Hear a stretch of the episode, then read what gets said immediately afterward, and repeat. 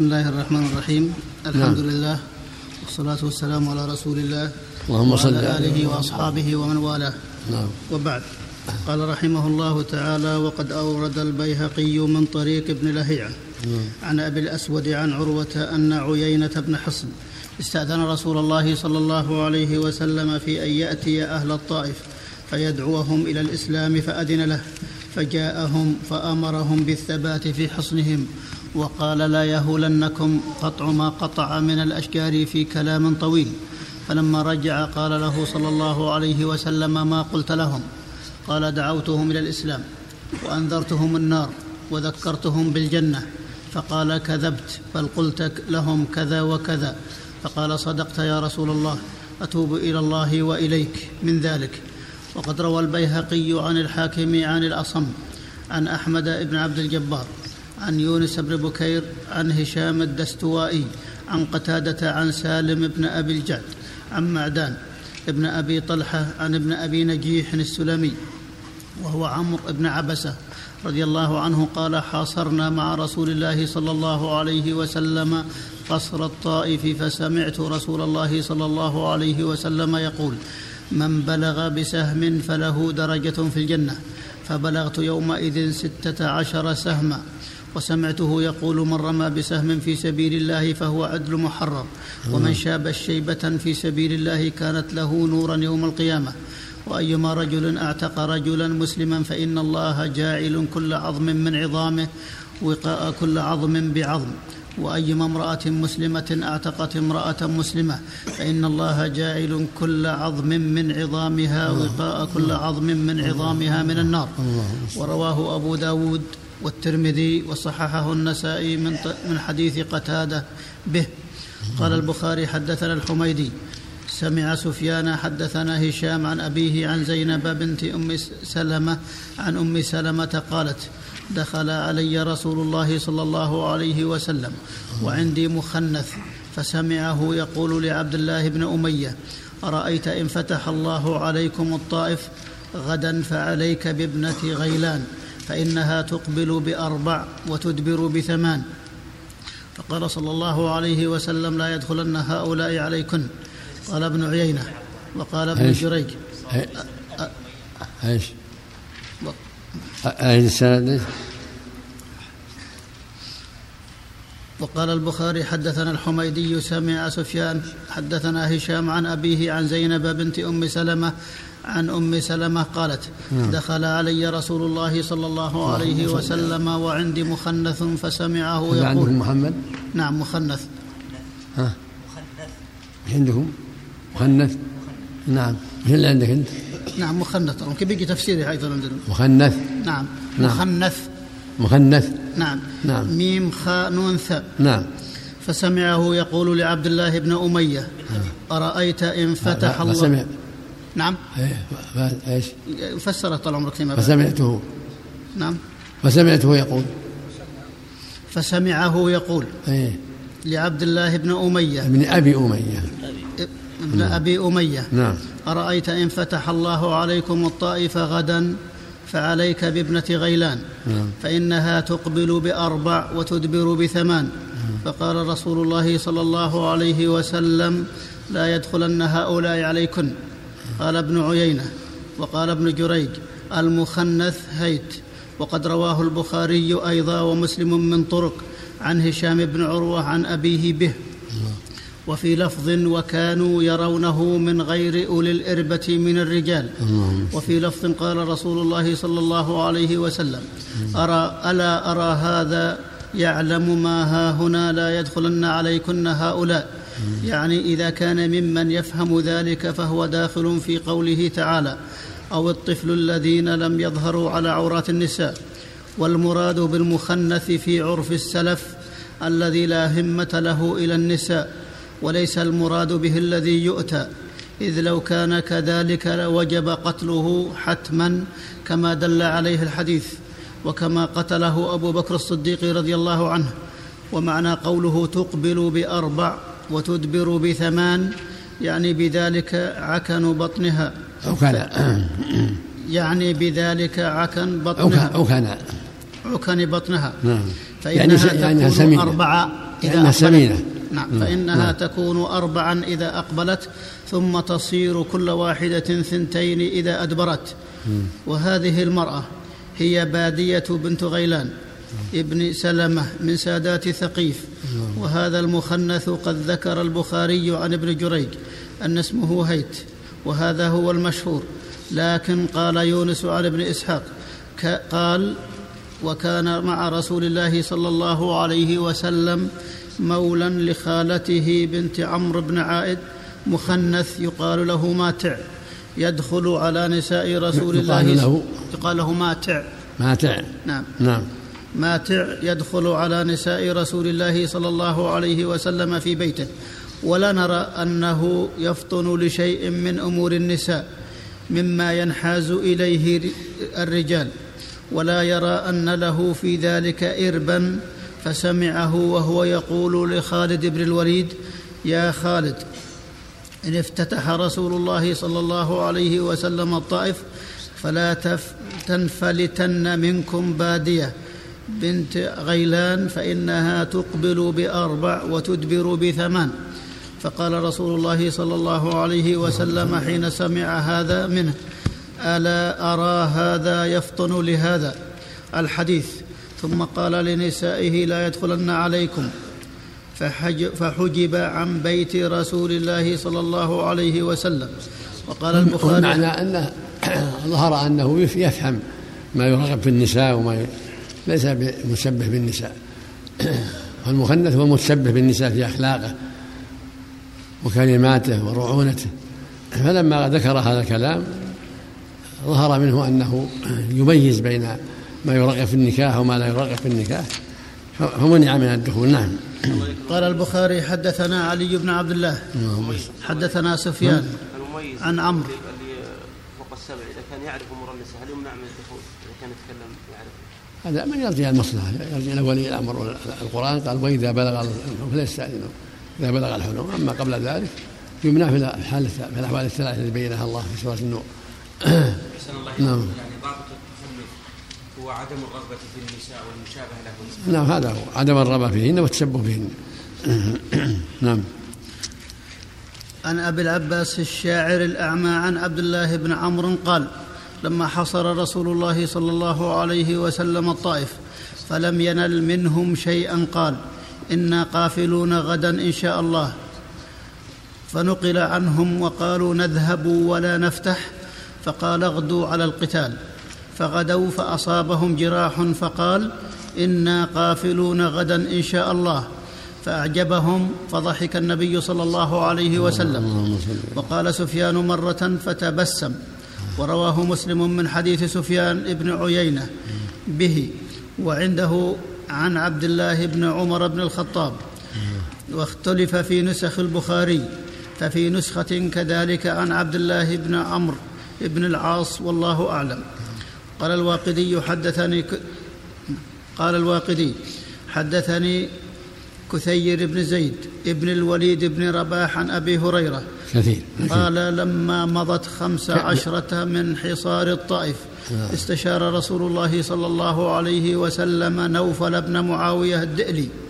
فقال يا نوفل ما ترى في المقام عليهم؟ قال يا رسول الله ثعلب في جحر. ثعلب. قال يا رسول الله ثعلب في جحر. إن أقمت عليه أخذته ثعلب. ثعلب في جحر. نعم. إن أقمت عليه أخذته وإن تركته لم يضرك. قال ابن إسحاق وقد بلغني أن رسول الله صلى الله عليه وسلم قال لأبي بكر وهو محاصر ثقيفا. يا أبا بكر إني رأيت أن إني رأيت أني أهديت أني أهديت لي قعبة مملوءة زبدة فنقرها ديك فاهراق ما فيها. فقال أبو بكر رضي الله عنه ما أظن أن تدرك منهم يومك هذا ما تريد. فقال صلى الله عليه وسلم وأنا لا أرى ذلك. قال ثم إن خولة بنت حكيم السلمية وهي امرأة عثمان بن مضعون قالت يا رسول الله أعطني إن فتح الله عليك حلي بادية بنت غيلان ابن سلمة أو حلي الفارعة بنت عقيل وكانت من أحلى نساء ثقيف. فذكر أن رسول الله صلى الله عليه وسلم قال لها وإن كان لم يؤذن في ثقيف يا خويلة. فخرجت خولة فذكرت ذلك لعمر بن الخطاب فدخل على رسول الله صلى الله عليه وسلم فقال يا رسول الله ما حديث حدثتنيه خولة؟ زعمت أنك قلته قال قد قلته قال اوما أذن فيهم؟ قال لا. قال أفلا أؤذن بالرحيل؟ قال بلى. فأذن عمر بالرحيل. فلما استقبل الناس نادى سعيد بن عبيد الله بن عبيد بن أسيد ابن أبي عمرو بن علاج. ألا إن الحي مقيم؟ قال يقول عيينة بن حصن أجل والله مجده كرما. مجدة وكرما مجدة كرما بدون واو. أو مجدة كراما نعم. فقال له رجل من المسلمين قاتلك الله يا عنينة يا عيينة. أتمدح المشركين بالامتناع من رسول الله؟ وقد جئت تنصره؟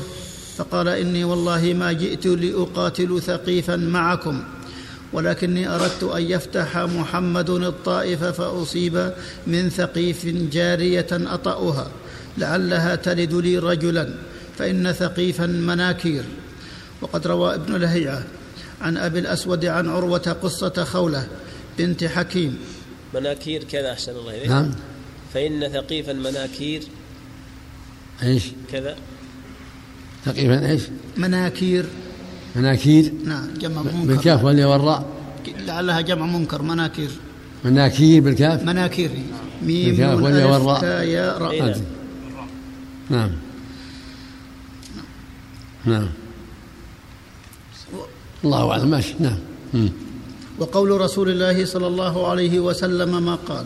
نعم. وتأذين عمر بالرحيل نعم. قال وأمر رسول الله صلى الله عليه وسلم الناس ألا يسرحوا ظهرهم. فلما أصبحوا ارتحل رسول الله صلى الله عليه وسلم وأصحابه ودعا حين ركب قافلا فقال اللهم اهدهم واكفنا مؤنتهم. وروى الترمذي من حديث عبد الله بن عثمان. هداهم الله بعد هذا وجاءوا مسلمين جاءوا قدموا على النبي بعد ذلك. الحمد لله. نعم الله أكبر. نعم. لله الحكمة. نعم. وروى الترمذي من حديث عبد الله بن عثمان بن خثيم عن أبي الزبير عن جابر. قالوا يا رسول الله أحرقتنا نبال ثقيف فادعوا الله عليهم فقال احرقتنا أحرقتنا نبال ثقيف. نعم. فقال فادعوا الله عليهم فقال اللهم اهد ثقيفا. ثم ثم قال هذا حديث حسن غريب. وروى يونس عن ابن إسحاق حدثني عبد الله بن أبي بكر وعبد الله بن المكرم عمن ادركوا من إيه، أهل العلم. وقال وقال من؟ وروى يونس عن ابن إسحاق. حدثني عبد الله بن أبي بكر وعبد الله بن المكرم. نعم. عمن أدرك؟ عمن أدركوا من أهل العلم. نعم. قالوا حاصر رسول الله صلى الله عليه وسلم أهل الطائف ثلاثين ليلة أو قريبا من ذلك ثم انصرفوا عنهم ولم يؤذن فيهم. الله. فقدم المدينة. الله. فجاءه وفدهم في رمضان. فأسلموا وسيأتي ذلك مفصلا في رمضان من سنة تسع إن شاء الله. مثل ما قال في دوس لما قيل له ادعو عليهم قال اللهم اهد دوس وات بهم. فهداهم الله وجاءوا الله اكبر فلا فالدعاء لهم بالهداية خير من الدعاء عليهم إلا ما من عاند وكابر واذى المسلمين. نعم. اللهم المستعان نعم. نعم. وهذه تسمية من استشهد من المسلمين بالطائف فيما قالها ابن إسحاق وهم اثنا عشر. فمن قريش سعيد بن سعيد بن العاص ابن أمية وعرفطة ابن حباب حليف لبني أمية ابن الأسد بن الغوث وعبد الله بن أبي بكر الصديق رمي بسهم فتوفي منه بالمدينة بعد وفاة رسول الله صلى الله عليه وسلم. وعبد الله بن أمية بن المغيرة المخزومي من فإنها تكون أربعا إذا أقبلت ثم تصير كل واحدة ثنتين إذا أدبرت. وهذه المرأة هي بادية بنت غيلان ابن سلمة من سادات ثقيف. وهذا المخنث قد ذكر البخاري عن ابن جريج أن اسمه هيت وهذا هو المشهور.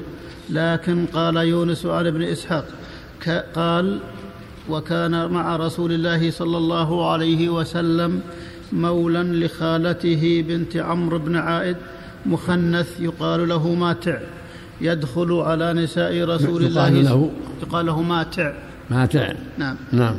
ماتع يدخل على نساء رسول الله صلى الله عليه وسلم في بيته. ولا نرى أنه يفطن لشيء من أمور النساء مما ينحاز إليه الرجال.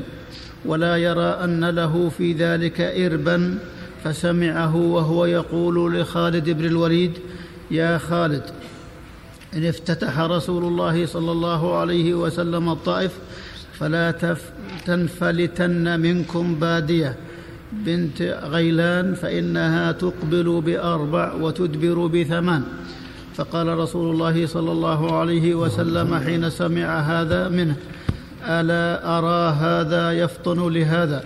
الحديث ثم قال لنسائه لا يدخلن عليكم.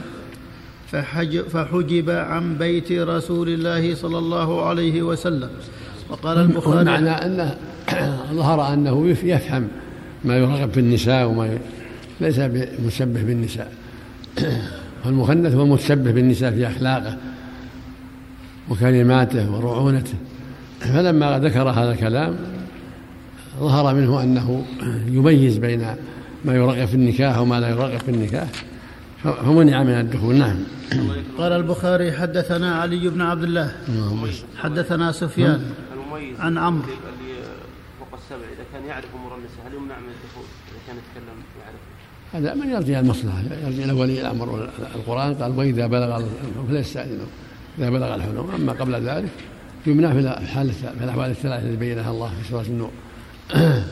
نعم. يعني بعض هو عدم الرغبة في النساء والمشابهة لهن. نعم هذا هو. عدم الرغبة فيهن والتشبه بهن نعم. عن أبي العباس الشاعر الأعمى عن عبد الله بن عمرو قال لما حصر رسول الله صلى الله عليه وسلم الطائف فلم ينل منهم شيئا قال إنا قافلون غدا إن شاء الله. فنقل عنهم وقالوا نذهب ولا نفتح. فقال اغدوا على القتال. فغدوا فأصابهم جراح فقال إنا قافلون غدا إن شاء الله. فأعجبهم فضحك النبي صلى الله عليه وسلم. وقال سفيان مرة فتبسم. ورواه مسلم من حديث سفيان بن عيينة به. وعنده عن عبد الله بن عمر بن الخطاب. واختلف في نسخ البخاري. ففي نسخة كذلك عن عبد الله بن عمرو بن العاص والله أعلم. قال الواقدي حدثني ك... قال الواقدي حدثني كثير بن زيد ابن الوليد بن رباح عن أبي هريرة. كثير. قال لما مضت خمس عشرة من حصار الطائف آه. استشار رسول الله صلى الله عليه وسلم نوفل بن معاوية الدئلي. فقال يا نوفل ما ترى في المقام عليهم؟ قال يا رسول الله ثعلب في جحر. ثعلب. قال يا رسول الله ثعلب في جحر. إن أقمت عليه أخذته ثعلب؟ ثعلب في جحر. نعم. إن أقمت عليه أخذته وإن تركته لم يضرك. قال ابن إسحاق وقد بلغني أن رسول الله صلى الله عليه وسلم قال لأبي بكر وهو محاصر ثقيفا يا أبا بكر إني رأيت أن إني رأيت أني أهديت أني أهديت لي قعبة مملوءة زبدة فنقرها ديك فاهراق ما فيها. فقال أبو بكر رضي الله عنه ما أظن أن تدرك منهم يومك هذا ما تريد. فقال صلى الله عليه وسلم وأنا لا أرى ذلك. قال ثم إن خولة بنت حكيم السلمية وهي امرأة عثمان بن مضعون قالت يا رسول الله أعطني إن فتح الله عليك حلي بادية بنت غيلان ابن سلمة أو حلي الفارعة بنت عقيل وكانت من أحلى نساء ثقيف. فذكر أن رسول الله صلى الله عليه وسلم قال لها وإن كان لم يؤذن في ثقيف يا خويلة. فخرجت خولة فذكرت ذلك لعمر بن الخطاب. فدخل على رسول الله صلى الله عليه وسلم فقال يا رسول الله ما حديث حدثتنيه خولة؟ زعمت أنك قلته قال قد قلته قال اوما أذن فيهم؟ قال لا. قال أفلا أؤذن بالرحيل؟ قال بلى. فأذن عمر بالرحيل. فلما استقبل الناس نادى سعيد بن عبيد الله بن عبيد بن أسيد ابن أبي عمرو بن علاج. ألا إن الحي مقيم. قال يقول عيينة بن حصن. أجل والله مجده كرما مجدة وكرما مجدة كرما بدون واو. مجدة أو مجدة كراما نعم. فقال له رجل من المسلمين قاتلك الله يا عنينة يا عيينة. أتمدح المشركين بالامتناع من رسول الله؟ وقد جئت تنصره؟ فقال إني والله ما جئت لأقاتل ثقيفا معكم ولكني أردت أن يفتح محمد الطائف فأصيب من ثقيف جارية أطأها لعلها تلد لي رجلا فإن ثقيفا مناكير. وقد روى ابن لهيعة عن أبي الأسود عن عروة قصة خوله بنت حكيم مناكير كذا أحسن الله إليك. نعم. فإن ثقيفا مناكير إيش؟ كذا. ثقيفا إيش؟ مناكير. مناكير. نعم جمع منكر. بالكاف والياء والراء؟ لعلها جمع منكر مناكير. مناكير بالكاف؟ مناكير. ميم بالكاف والياء والراء؟ يا راء. إيه. نعم. نعم. الله أعلم. ماشي. نعم. وقول رسول الله صلى الله عليه وسلم ما قال. نعم. وتأذين عمر بالرحيل نعم. قال وأمر رسول الله صلى الله عليه وسلم الناس ألا يسرحوا ظهرهم. فلما أصبحوا ارتحل رسول الله صلى الله عليه وسلم. وأصحابه ودعا حين ركب قافلا فقال اللهم اهدهم واكفنا مؤنتهم. وروى الترمذي من حديث عبد الله بن عثمان. هداهم الله بعد هذا وجاءوا مسلمين. جاءوا قدموا على النبي بعد ذلك. الحمد لله. نعم الله أكبر. نعم. لله الحكمة. نعم. وروى الترمذي من حديث عبد الله بن عثمان بن خثيم. عن أبي الزبير عن جابر. قالوا يا رسول الله أحرقتنا نبال ثقيف. فادعوا الله عليهم فقال احرقتنا أحرقتنا نبال ثقيف. نعم. فقال فادعوا الله عليهم فقال اللهم اهد ثقيفا. ثم ثم قال هذا حديث حسن غريب. وروى يونس عن ابن إسحاق. حدثني عبد الله بن أبي بكر وعبد الله بن المكرم عمن أدركوا من إيه، أهل العلم. وقال, وقال من؟ وروى يونس عن ابن إسحاق. حدثني عبد الله بن أبي بكر إيه. وعبد الله بن المكرم. نعم. عمن, أدرك عمن أدركوا من أهل العلم. نعم. قالوا حاصر رسول الله صلى الله عليه وسلم أهل الطائف. ثلاثين ليلة أو قريبا من ذلك. ثم انصرفوا عنهم ولم يؤذن فيهم. الله. فقدم المدينة. الله. فجاءه وفدهم في رمضان. فأسلموا وسيأتي ذلك مفصلا في رمضان من سنة تسع إن شاء الله. مثل ما قال في دوس لما قيل له ادعو عليهم قال اللهم اهد دوس وات بهم. فهداهم الله وجاءوا. الله أكبر. فلا فالدعاء لهم بالهداية خير من الدعاء عليهم إلا من عاند وكابر. واذى المسلمين. نعم. اللهم المستعان نعم. نعم. وهذه تسمية من استشهد من المسلمين بالطائف فيما قاله ابن إسحاق وهم اثنا عشر فمن قريش سعيد بن سعيد بن العاص ابن أمية وعرفطة ابن حباب حليف لبني أمية ابن الأسد بن الغوث وعبد الله بن أبي بكر الصديق رمي بسهم فتوفي منه بالمدينة بعد وفاة رسول الله صلى الله عليه وسلم. وعبد الله بن أمية بن المغيرة المخزومي من رمية رم و... نعم. وعبد الله وعبد الله بن أبي أمية بن المغيرة. نعم. عبد الله بن أبي أمية كان عنده؟ نعم. زين. نعم. وعبد الله بن ابن أبي أمية نعم. ابن المغيرة المخزومي من رمية رميها يومئذ. وعبد الله بن عامر بن ربيعة حليف لبني عدي والسائب بن الحارث بن قيس بن عدي السهمي وأخوه عبد الله وجليحة بن عبد الله من بني سعد بن ليث ومن الأنصار ثم الخزرج ثابت بن الجذع الأسلمي والحارث بن سهل بن أبي صعصعة المازني والمنذر بن عبد الله من بني ساعدة ومن الأوس رقيم بن ثابت بن ثعلبة بن زيد بن لوذان ابن معاوية فقط. فجميع من استشهد يومئذ اثنا عشر رجلا سبعة من قريش وأربعة من الأنصار ورجل من بني ليث رضي الله عنهم أجمعين. رضي الله عنهم جميعا. اللهم نعم قال الله إليك. في القاموس يقول النكر والنكارة والنكراء والنكر بالضم الدهاء والفطنة. هذا رجل نكر كفرح. هو من هذا الباب نعم. نعم.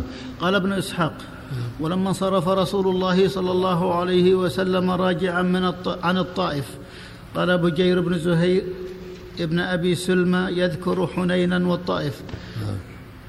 كانت كانت علالة كانت علالة يوم بطن حنين وغداة أوطاس ويوم الأبرق. جمعت بأغواء هازم هوا جمعت بأغواء هوازن جمعها فتبددوا كالطائر المتمزق. لم يمنعوا منا مقاما واحدا إلا, جد إلا جدارهم وبطن الخندق. ولقد تعرضنا لكيما يخرجوا فاستحصنوا منا بباب مغلق. ترتد حسرانا إلى إلى رجراجة شهباء. تلمع بالمنايا فيلق ملمومة ملمومة خضراء لو قذفوا بها. حصنا لظل كأنه لم يخلق مشي الضراء على الهراس كأننا. قدر تفرق في القياد ويلتقي. في كل سابغة إذا ما استحصن إذا ما استحصنت كالنهي. هبت ريحه المترقرق. جدل تمس فضولهن نعالنا من نسج داود وآل محرق. قال أبو داود حدثنا عمر بن الخطاب أبو حفص حدثنا الفريابي حدثنا أبان حدثنا عمرو هو ابن عبد الله بن أبي حازم حدثنا عثمان بن أبي حازم عن أبيه عن جده صخر هو أبي العلية الأحمسي أن رسول الله صلى الله عليه وسلم غزا ثقيفا فلما أن سمع ذلك صخر ركب في خيل يمد النبي صلى الله عليه وسلم فوجده قد انصرف ولم يفتح فجعل صخر حينئذ عهدا وذمة لا أفارق هذا القصر حتى ينزلوا على حكم رسول الله صلى الله عليه وسلم ولم يفارقهم حتى نزلوا على حكم رسول الله صلى الله عليه وسلم. وكتب إليه صخر. أما بعد فإن ثقيفا قد نزلت على حكمك يا رسول الله وأنا مقبل بهم وفي وهم في خيلي فأمر رسول الله صلى الله عليه وسلم بالصلاة جامعه فدعا لأحمس عشر دعوات اللهم بارك لأحمس في خيلها ورجالها وأتى القوم فتكلم الم... وأتى القوم فتكلم المغيرة بن أبي ش... تكلم المغيرة بن شعبة فقال يا رسول الله إن صخرا أخذ عمتي ودخلت فيما دخل فيه المسلمون فدعاه فقال يا صخر إن القوم إذا أسلموا أحرزوا دماءهم وأموالهم فادفع إلى المغيرة عمته فدفعها إليه.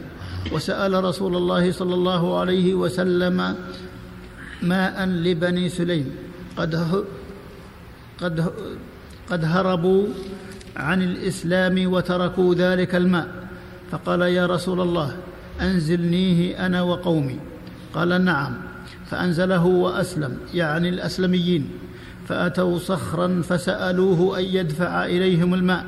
فأبى فأتوا رسول الله صلى الله عليه وسلم فقالوا يا رسول الله أسلمنا وأتينا صخرا ليدفع إلينا ماءنا فأبى علينا. فقال يا صخر إن القوم إذا أسلموا أحرزوا أموالهم ودماءهم فادفع إليهم ماءهم. قال نعم يا نبي الله. فرأيت وجه رسول الله صلى الله وجه رسول الله صلى الله عليه وسلم يتغير عند ذلك حمرة حياء من أخذه الجارية وأخذه الماء. تفرد به أبو داود وفي إسناده اختلاف. قلت وكانت الحكمة الإلهية.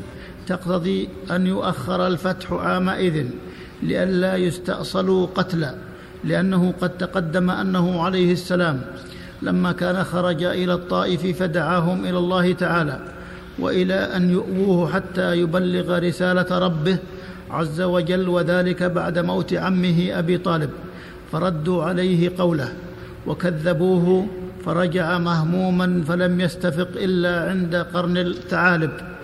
فإذا هو بغمامة وإذا فيها جبريل فناداه ملك الجبال فقال يا محمد إن ربك يقرأ عليك السلام وقد سمع قول قومك وقد سمع قول قومك لك وما ردوا عليك فإن شئت أن أطبق عليهم الأخشبين فقال صلى الله عليه وسلم بل استأني فيهم بل استأني بهم لعل الله أن يخرج من أصلابهم من يعبده من يعبده وحده لا يشرك به شيئا.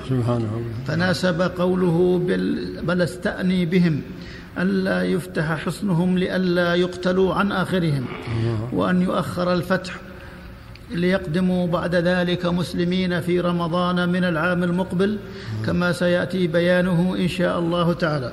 الله نعم. مرجعه عليه السلام من الطائف. بركة.